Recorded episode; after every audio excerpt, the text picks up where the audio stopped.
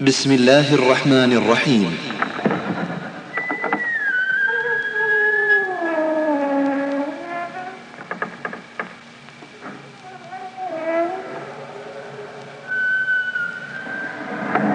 أخي الحبيب من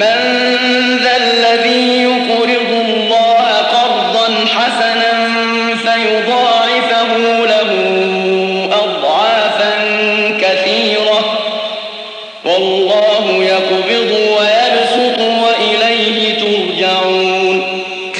يقدمون ولا يؤخرون ويعجلون ولا يسوفون يزرعون في الدنيا ويحصدون للآخرة كن فاعلا للخير طوالا له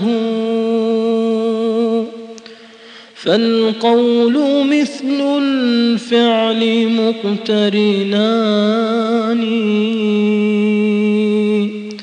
من غوث من وشبعة جائع ودثار عريان وفدية قال صلى الله عليه وسلم اتقوا النار ولو بشق تمرة متفق عليه ففيها تفريج كربة وإغناء عن سؤال إشباع جائع وفرحة لصغير وسرور يدخل على قلب الكبير كان ابن عمر إذا اشتد عجبه بشيء من ماله قربه إلى ربه عز وجل لن تنالوا البر حتى تنفقوا مما تحبون وما تنفقوا من شيء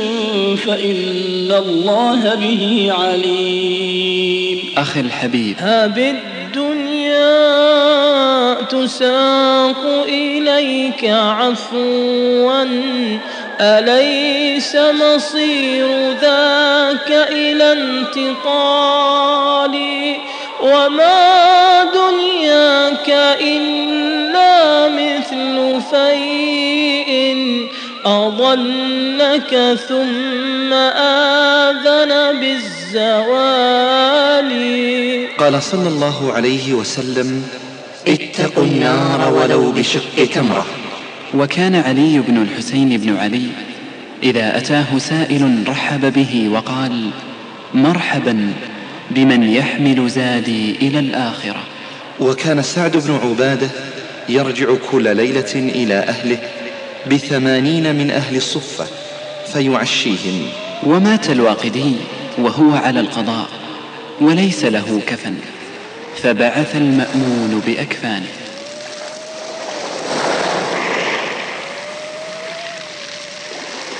وقال عبد الرحمن بن عوف قتل مصعب بن عمير وهو خير مني كفن في بردة إن غطي رأسه بدت رجلاه وإن غطي رجلاه بدا رأسه وعن أبي جعفر بن علي بن الحسين أن أباه قاسم الله تعالى ماله مرتين وقال إن الله يحب المذنب التواب وقال بكر الزجاج لمعروف الكرخي في علته أوصي فقال إذا مت فتصدقوا بقميصي هذا فإني أحب أن أخرج من الدنيا عريانا كما دخلت إليها عريانا أخي الحبيب تأمل ماذا ينفقون إنه أحب الموجودات إليهم وأغلاها عندهم وأنفسها في قلوبهم أما نحن فالمنفق منا لا تطيب نفسه إلا بالنطيحة والمتردية فأين نحن من هؤلاء ها أنتم هؤلاء تدعون لتنفقوا في سبيل الله فمنكم من يبخل ومن يبخل فإنما يبخل عن نفسه والله الغني وأنتم الفقراء والله الغني وأنتم الفقراء وإن تتولوا يستبدل قوما غيركم ثم لكم دار العصر للإنتاج والتوزيع تقدم مقتطفات من كتاب ولو بشق تم لمؤلفه عبد الملك القاسم الحمد لله الكريم المنان المتفضل بالعطايا والإحسان والصلاة والسلام على أجود الناس وأبرهم نبينا محمد صلى الله عليه وسلم وعلى آله وصحبه أجمعين أما بعد قال الله تعالى في وصف عباده المتقين كانوا قليلا من الليل ما يهجعون وبالأسحار هم يستغفرون وفي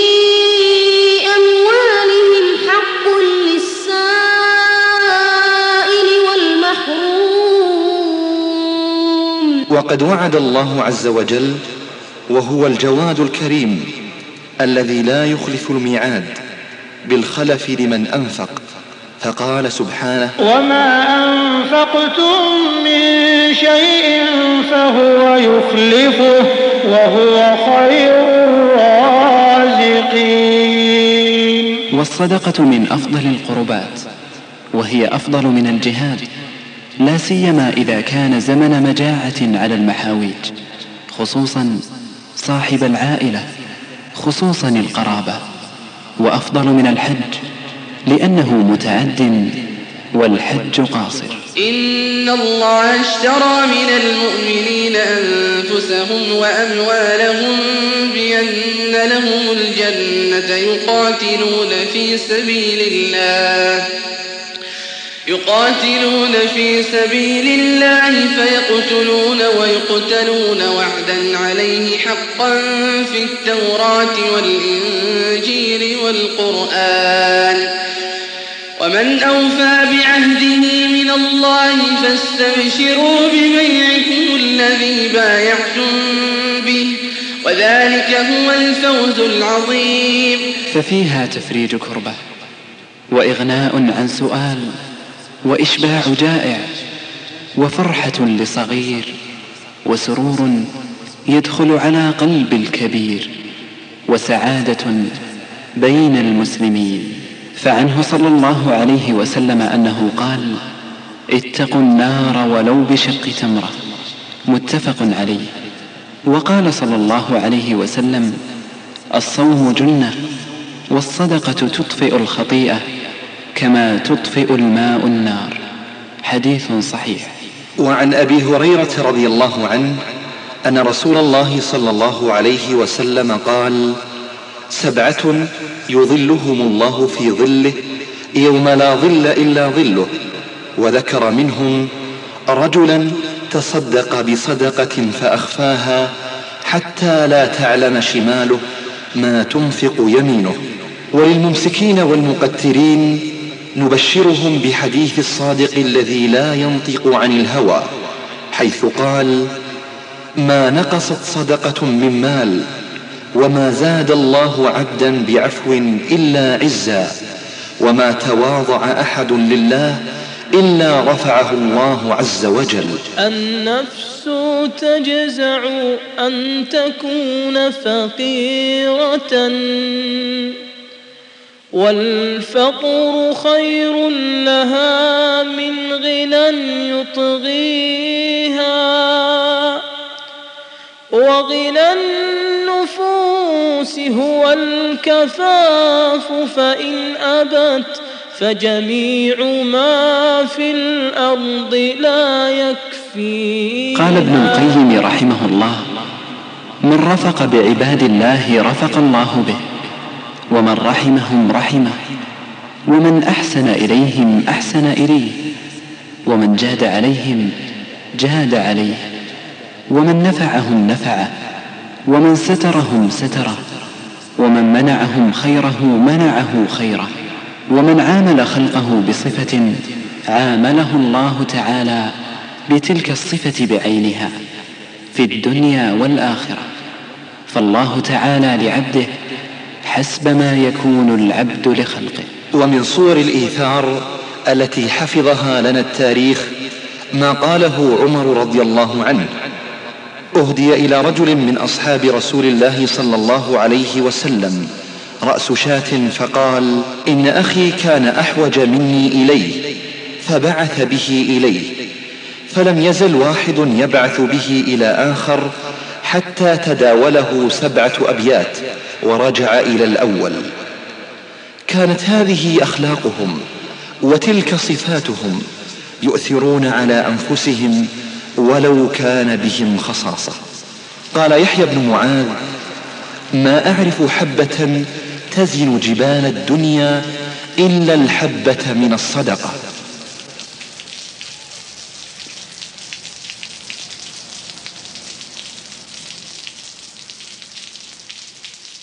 وقال الفقيه أبو الليث السمرقندي عليك بالصدقة بما قل أو كثر فإن في الصدقة عشر خصال محمودة خمسة في الدنيا وخمسة في الآخرة فأما الخمسة التي في الدنيا فأولها تطهير المال كما قال النبي صلى الله عليه وسلم ألا إن البيع يحضره اللغو والحلف والكذب فشوبوه بالصدقه والثاني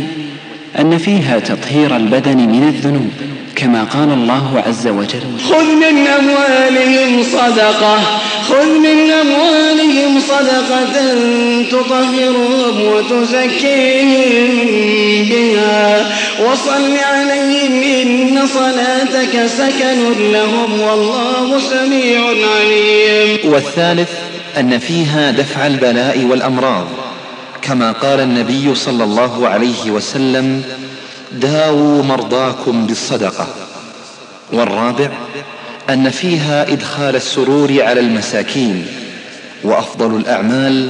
إدخال السرور على المؤمنين والخامس أن فيها بركة في المال وسعة في الرزق كما قال الله تعالى وما أنفقتم من شيء فهو يخلفه وهو خير الرازقين وأما الخمسة التي في الآخرة فأولها أن تكون الصدقة ظلا لصاحبها من شدة الحر والثاني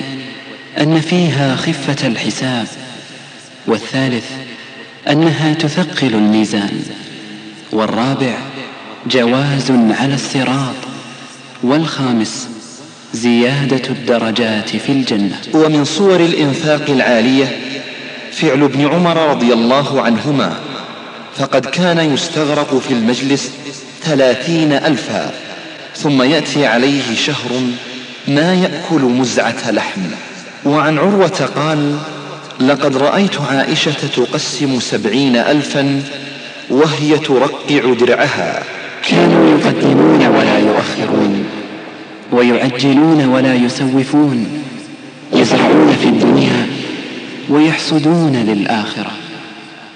لم تكن الدنيا إلا مطية يأتلونها سيرا إلى الله ولم تكن الأموال إلا مركبا لرضا الله عز وجل تسير حيثما أمر الله عز وجل ولهذا كانت الدنيا لديهم حقيرة ذليلة قال يحيى بن معاذ وكأنه يطل على حال كثير من أهل الدنيا عجبت من ثلاث رجل يرائي بعمله مخلوقا مثله ويترك أن يعمله لله ورجل يبخل بماله وربه يستقرضه منه فلا يقرضه منه شيئا ورجل يرغب في صحبة المخلوقين ومودتهم والله يدعوه إلى صحبته ومودته ويظهر عيب المرء في الناس بخله ويستره عنهم جميعا سخاؤه تغطى بأثواب السخاء فإنني أرى كل عيب فالسخاء غطاؤه قال الحسن بئس الرفيق الدينار والدرهم لا ينفعانك حتى يفارقاك فعن عائشة رضي الله عنها أنهم ذبحوا شاة فقال النبي صلى الله عليه وسلم ما بقي منها قالت ما بقي منها إلا كتفها قال بقي كلها غير كتفها أخي المسلم اعلم أن المال إن كان مفقودا فينبغي أن يكون حال العبد القناعة وقلة الحرص وإن كان موجودا فينبغي أن يكون حاله الإيثار والسخاء واصطناع المعروف فإن السخاء من أخلاق الأنبياء عليهم السلام وهو أصل من أصول النجاة فعن عبد الله بن مسعود رضي الله عنه قال إن استطعت أن تجعل كنزك حيث لا يأكله السوس ولا تناله اللصوص فافعل بالصدقة من ذا الذي يقرض الله قرضا حسنا فيضاعفه له أضعافا كثيرة والله يقبض ويبسط وإليه ترجعون ولكي يكون القرض حسنا كما جاء في الآية ينبغي أن يجمع أمورا ثلاثة أحدها أن يكون من طيب ماله لا من رديئه وخبيثه والثاني أن يخرجه طيبة به نفسه ثابتة عند بذله ابتغاء مرضاة الله والثالث أن لا يمن به ولا يؤذي والبخل صفة دنيئة هجر مركبها الأنبياء والصالحون بل حتى كرام العرب في الجاهلية علموا أنها سوء موطن وعندما سئل الحسن رضي الله عنه عن البخل قال هو أن يرى الرجل ما أنفق تلفا وما أمسك شرفا وضرب الربيع الفالج وطال به وجعه فاشتهى لحم دجاج فكف نفسه أربعين يوما ثم حكى لامرأته فاشترت دجاجة بدرهم ودانقين فسوتها وخبزت له خبزا وجعلت له أصباغا كالحلوى ثم جاءت بالخوان فلما ذهب ليأكل قام سائل فقال تصدقوا علي فكف وقال خذي هذا فادفعيه إلي قالت فأنا أصنع ما هو أحب إلي قال وما هو قالت نعطيه ثمن هذا وتأكل أنت شهوتك قال قد أحسنت ايتيني بثمنه فجاءت بثمن الدجاجة والخبز والأصباغ فقال ضعيه على هذا وادفعيه جميعا إلى السائل أخي المسلم الفقير محتاج والمسكين يتلهف لطارق يطرق عليه بابه ويناوله ما تيسر في يده هذا واقعه شدة حاجة وعوز وفقر ومسغبة ولكن مع حاجته الماسة تلك إلا أننا أحوج من الفقير نحن في حاجة ماسة إلى ثواب الصدقة وأجر البر والإحسان في يوم تشخص فيه الأبصار فحاجته دنيوية وحاجتنا دنيوية وأخروية قال عبيد بن عمير يحشر الناس يوم القيامة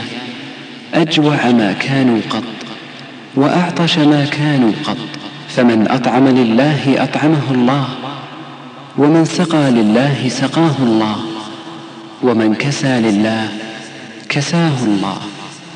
وثبت عن النبي صلى الله عليه وسلم أنه قال أيكم مال وارثه أحب إليه من ماله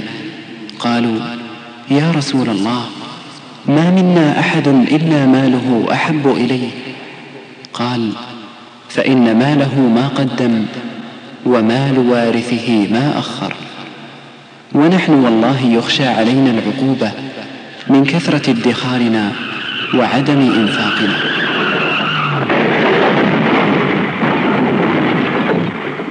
أيها الحبيب ها أنت تصرخ إنها أموالي ودوري وقصوري وطعامي وشرابي ولكن هاك حديث الرسول صلى الله عليه وسلم يرد عليك قولك يقول العبد مالي مالي وإنما له من ماله ثلاث ما أكل فأفنى أو لبس فأبلى أو أعطى فاقتنى ما سوى ذلك فهو ذاهب وتاركه للناس عند هذا الرحيل يأتيك قول الله عز وجل يوم تجد كل نفس ما عملت من خير محضرا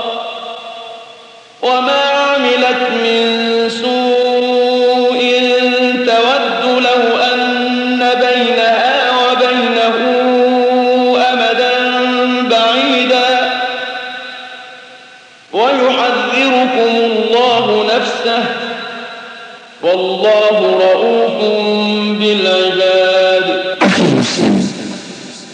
نحن الآن في رغد عيش ونعم عظيمة لا تعد ولا تحصى إذا لم ننفق الآن فمتى ننفق أئذا حل الفقر بساحتنا أم إذا نزل الموت بأرواحنا ليس في كل حالة وأواني تتهيا صنائع الإحسان فإذا أمكنت فبادر إليها ذرا من تعذر الإمكان قال أبو وائل شقيق بن سلمة دخلنا على خباب بن الأرد في مرضه فقال إن في هذا التابوت ثمانين ألف درهم والله ما شددت لها من خيط ولا منعتها من سائل وفي المال حقوق سوى الزكاة نحو مواساة قرابة وصلة إخوان وإعطاء سائل وإعانة محتاج وغير ذلك عن الشعبي قال ما مات لي قرابة وعليه دين إلا قضيته عنه وقال صلى الله عليه وسلم الصدقة على المسكين صدقة وعلى ذي الرحم اثنتان صدقة وصلة وليس الإنفاق مقصورا على أصحاب الأموال العظيمة بل كل له سهم ونحن لنا في ذلك سهام بما عندنا من مال وملبس ومأكل فهذا أبو هريرة يسأل الرسول صلى الله عليه وسلم بقوله أي الصدقة أفضل قال جهد المقل وابدأ بمن تعول وروي عن أم المؤمنين عائشة رضي الله عنها أنها تصدقت بتمرة واحدة أخي الحبيب أين نحن من هؤلاء كان الربيع بن خيثم لا يعطي أقل من رغيف ويقول إني لأستحي أن يرى في ميزاني أقل من رغيف كان علي بن الحسن بن علي إذا أتاه سائل رحب به وقال مرحبا بمن يحمل زادي إلى الآخرة يفني البخيل بجمع المال مدته وللحوادث والوراث ما يدعو كدودة القز ما تبنيه يخلقها وغيرها بالذي تبنيه وينبغي للمتصدق أن يتحرى في صدقته أهل الخير والصلاح والزهد والورع ممن يعينهم المال على طاعة الله عز وجل وليحذر أن يعين أحدا بماله على معصية أو فساد فعن عمر بن ثابت قال لما مات علي بن الحسين بن علي فغسلوه فجعلوا ينظرون إلى آثار سواد في ظهره فقالوا ما هذا فقالوا كان يحمل جرب الدقيق ليلا على ظهره يعطيه فقراء أهل المدينة وكان عامر بن عبد الله بن الزبير يتخير العباد وهم سجود فيأتيهم بالصرة فيها الدنانير والدراهم فيضعها عند نعالهم بحيث يحسون بها ولا يشعرون بمكانه فقيل له ما يمنعك أن ترسل بها إليهم فيقول أكره أن يتمعر وجه أحدهم إذا نظر إلى رسولي أو لقيني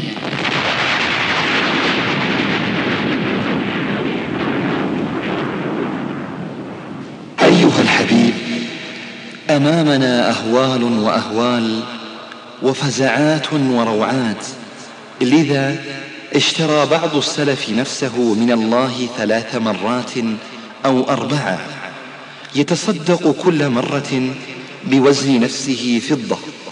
واشترى حبيب العجمي نفسه من الله بأربعين ألف درهم تصدق بها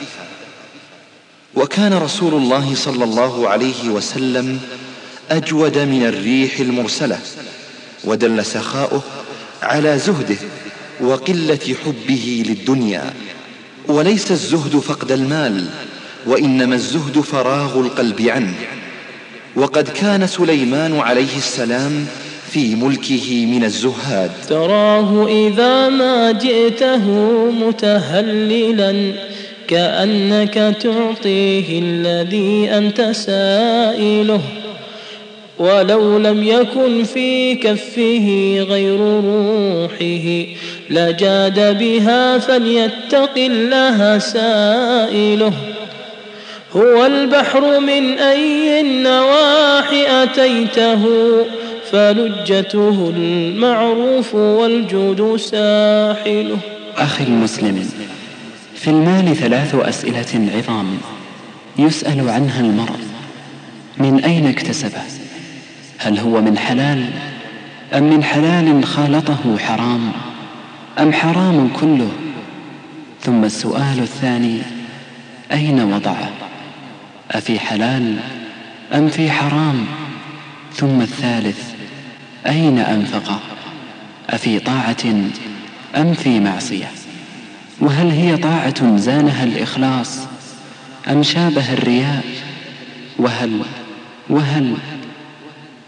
قال صلى الله عليه وسلم من تصدق بعدل أي بمقدار تمرة من كسب طيب ولا يقبل الله إلا الطيب فإن الله يقبلها بيمينه ثم يربيها لصاحبها كما يربي أحدكم فلوة أي مهرة حتى تكون مثل الجبل وقال ابن المبارك لأن أرد درهما من شبهة أحب إلي من أن أتصدق بمئة ألف ومئة ألف حتى بلغ ستمائة ألف وكان الحسن يقول رحم الله عبدا جعل العيش عيشا واحدا فأكل كسرة ولبس خلقا ولزق بالأرض واجتهد في العبادة وبكى على الخطيئة وهرب من العقوبة ابتغاء الرحمة حتى يأتيه أجله وهو على ذلك ما بال دينك ترضى أن تدنسه وثوبك الدهر وثوبك الدهر موسوم الدنس روي عن ابن مسعود رضي الله عنه أنه قال درهم ينفقه أحدكم في صحته وشحه أفضل من مئة يوصي بها عند موته ولهذا كان الأخيار من هذه الأمة ينفقون وهم في صحة وعافية قبل أن تغرغر الروح وتشرق شمس الآخرة جاء سائل إلى ابن عمر رضي الله عنهما فقال لابنه أعطه دينارا فلما انصرف قال ابنه تقبل الله منك يا أبتاه فقال لو علمت أن الله يتقبل مني سجدة واحدة وصدقة درهم لم يكن غائب أحب إلي من الموت أتدري ممن يتقبل؟ إنما يتقبل الله من المتقين أنفق ولا تخش إقلالا فقد قسمت على العباد من الرحمن أرزاق لا ينفع البخل مع دنيا مولية ولا يضر مع الإقبال إنفاقا كان الربيع بن خيثم إذا جاءه السائل قال أطعموه السكر فإن الربيع يحب السكر أيها المنفق سبع خصال تربي الصدقة وتعظمها أولها إخراجها من حلال لأن الله تعالى قال يا أيها الذين آمنوا أنفقوا من طيبات ما كسبتم والثاني إعطاؤها من جهد مقل يعني يعطى من مال قليل والثالث تعجيلها مخافة الفوت والرابع تصفيتها مخافة البخل يعني يعطيها من أحسن أمواله ولا يعطيها من الرديء لأن الله تعالى يقول ولا تيمموا الخبيث منه تنفقون ولستم بآخذيه ولستم بآخذيه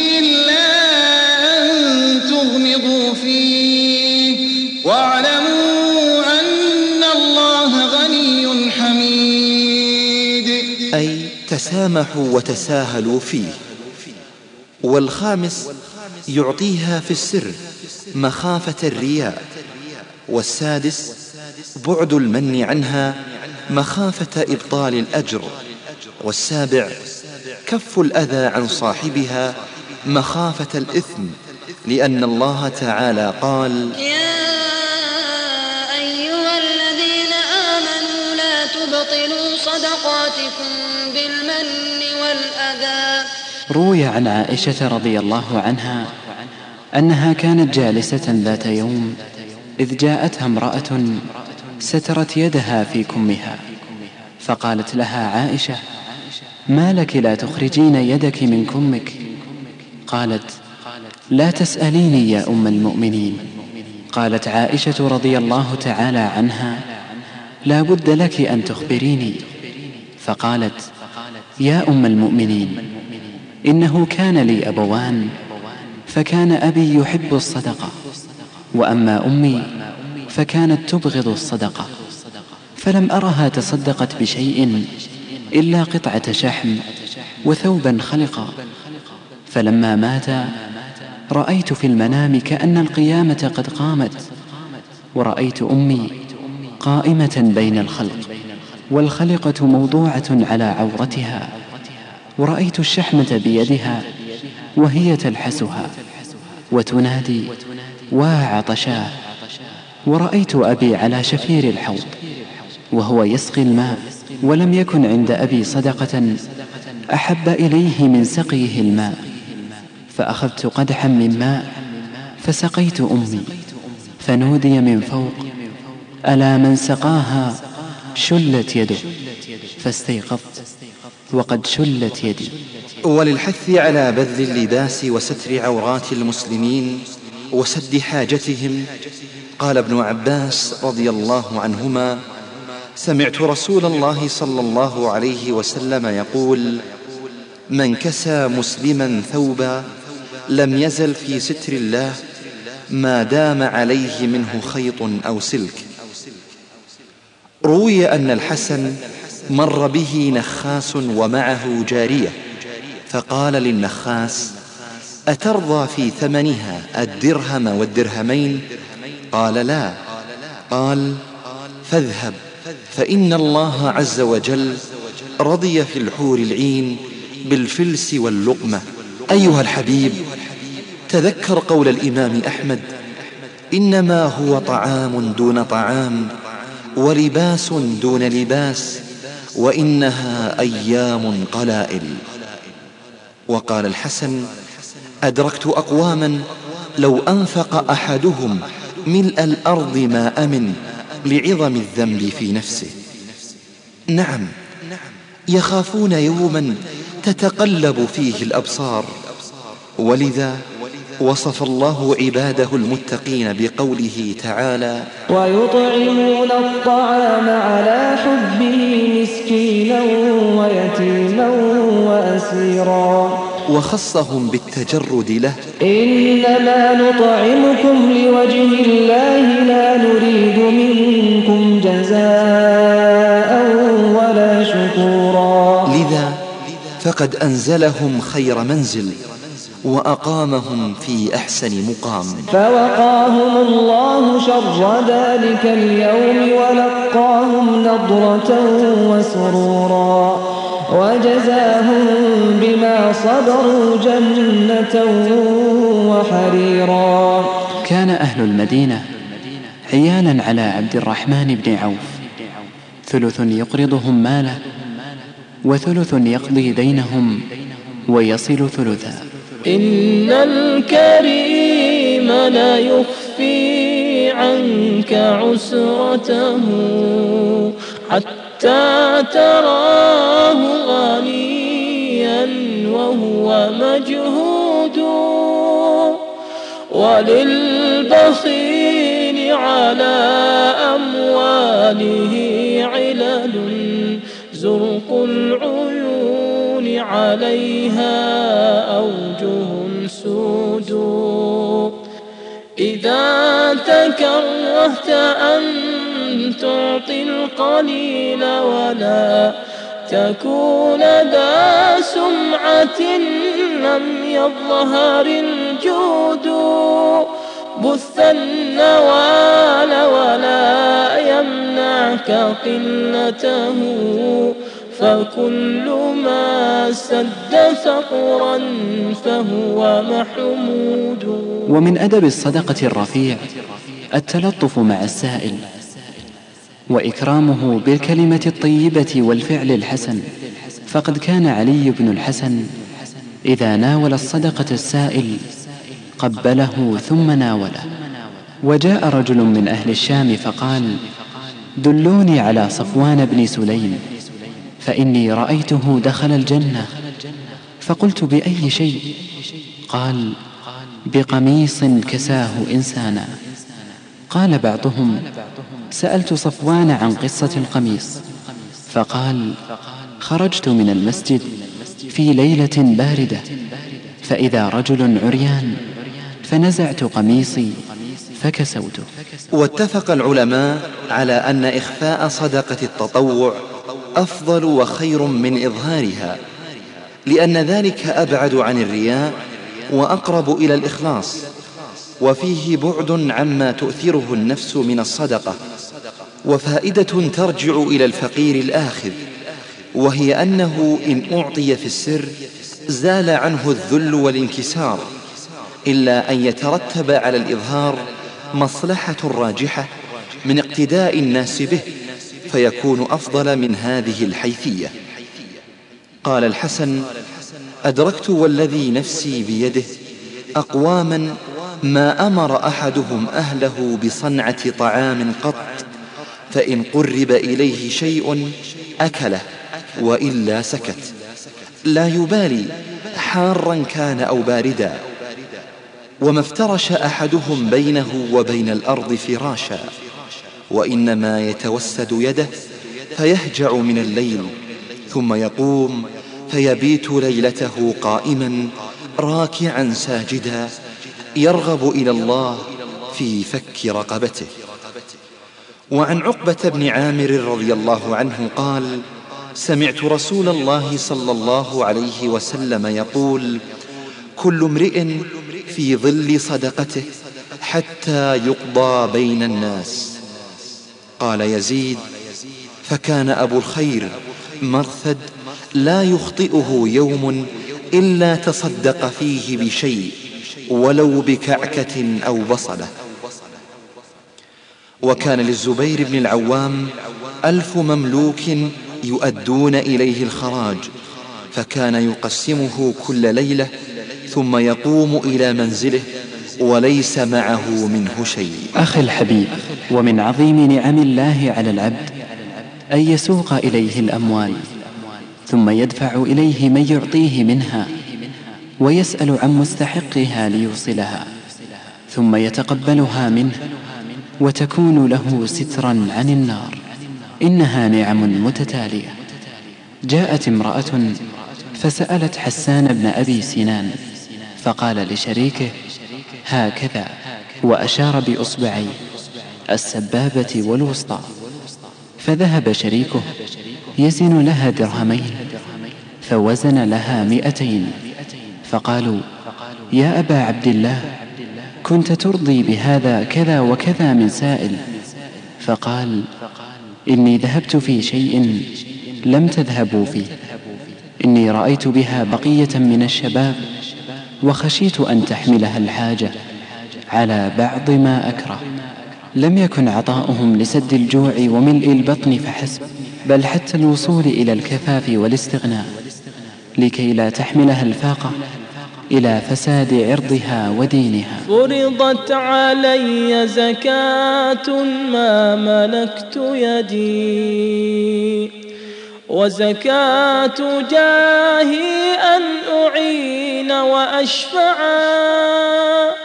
فإذا ملكت فجد فإن لم تستطع فاجهد بوسعك كله أن تنفعا ومن آداب الطعام التي غفلنا عنها وهجرناها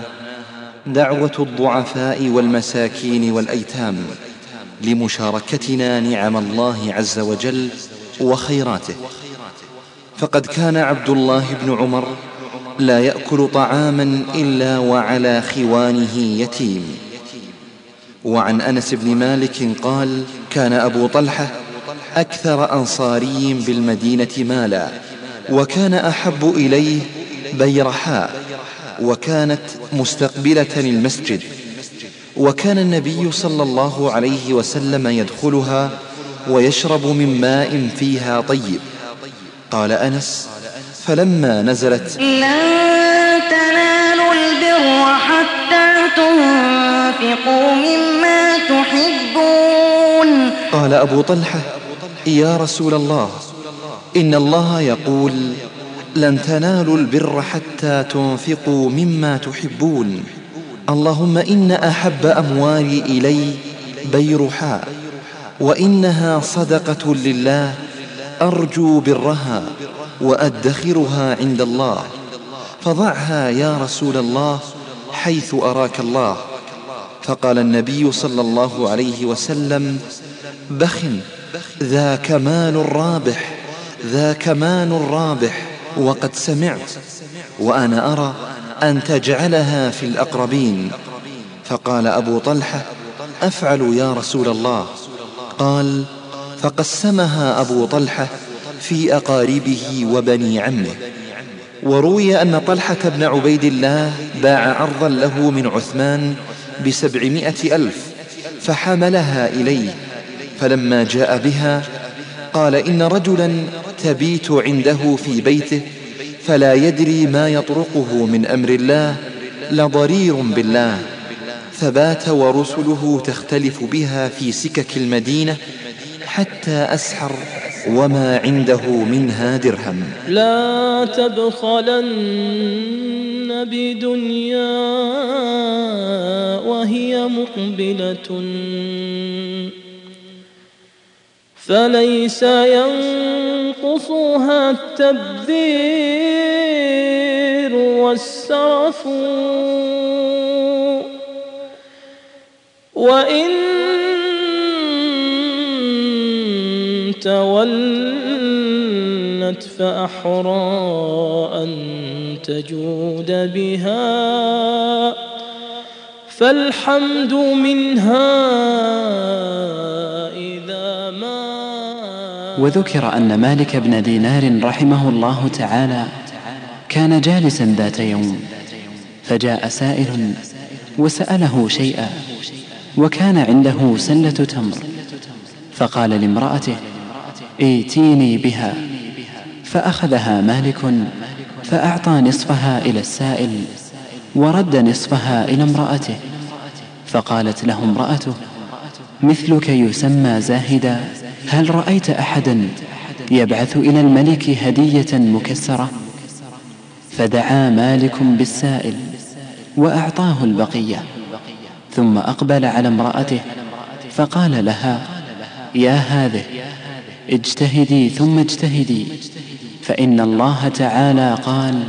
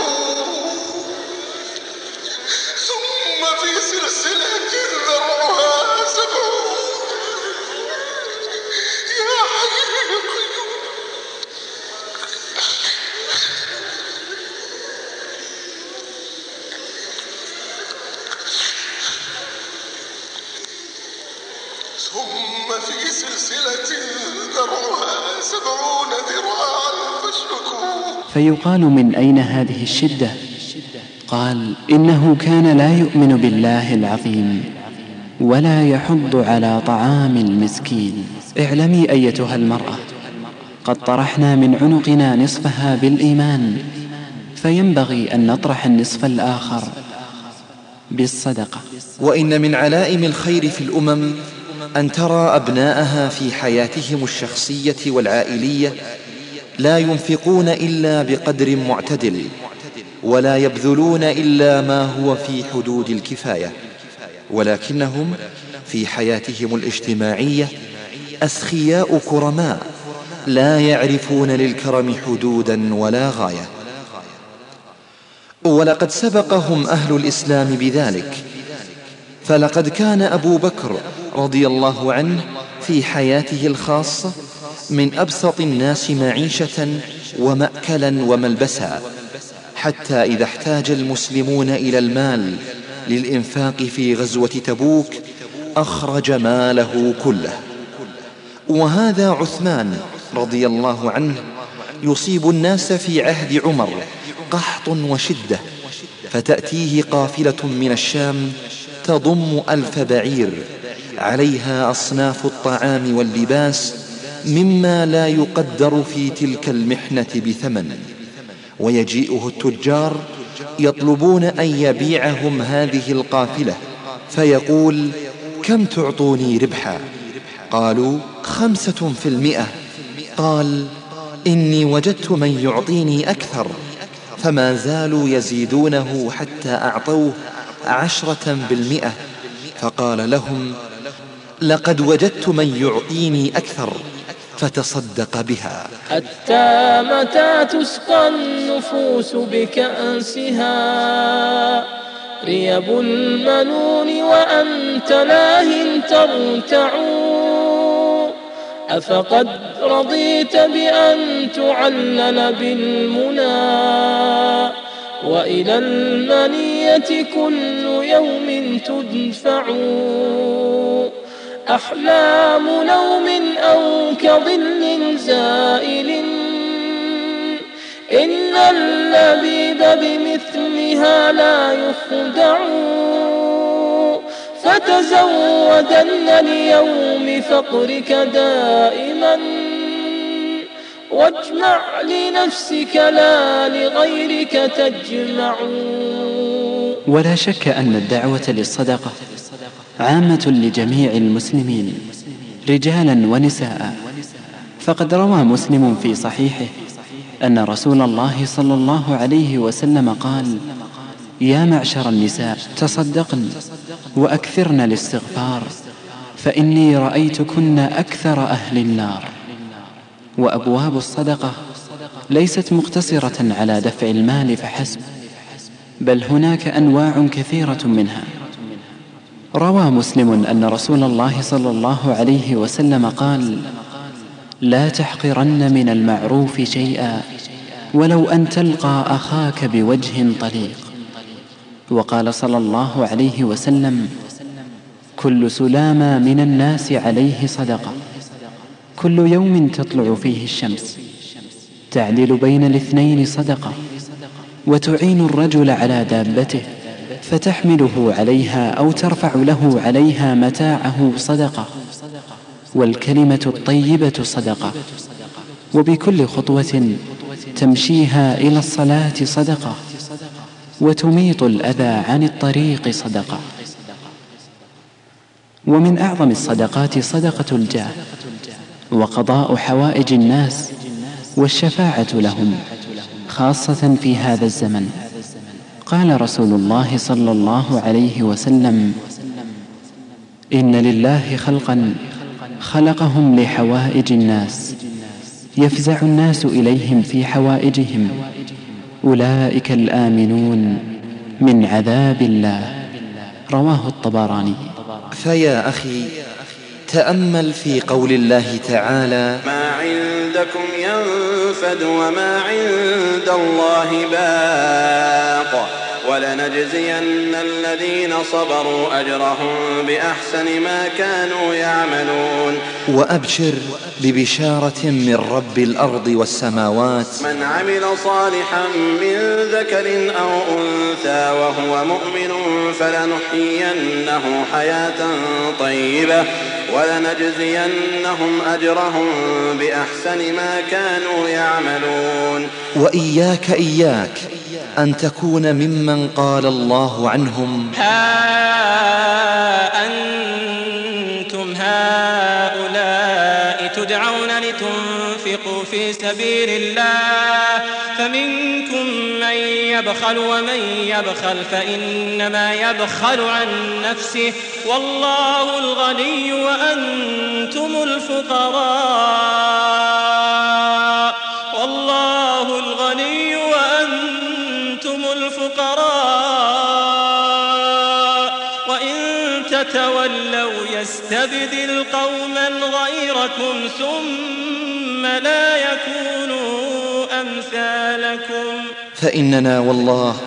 كما قال الربيع بن خيثم أصبحنا ضعفاء مذنبين نأكل أرزاقنا وننتظر آجالنا بل وكما قال المغيرة أصبحنا مغرقين في النعم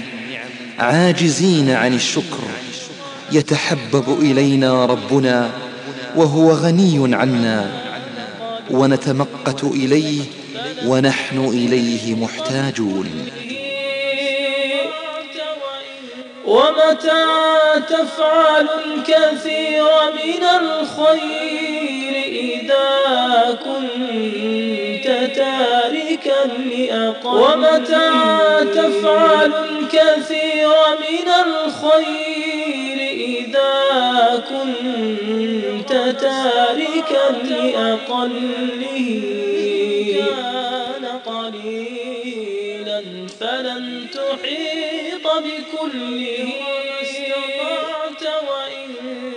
متى تفعل الكثير من الخير إذا كنت تاركا ومتى تفعل الكثير من الخير إذا كنت تاركا لأقله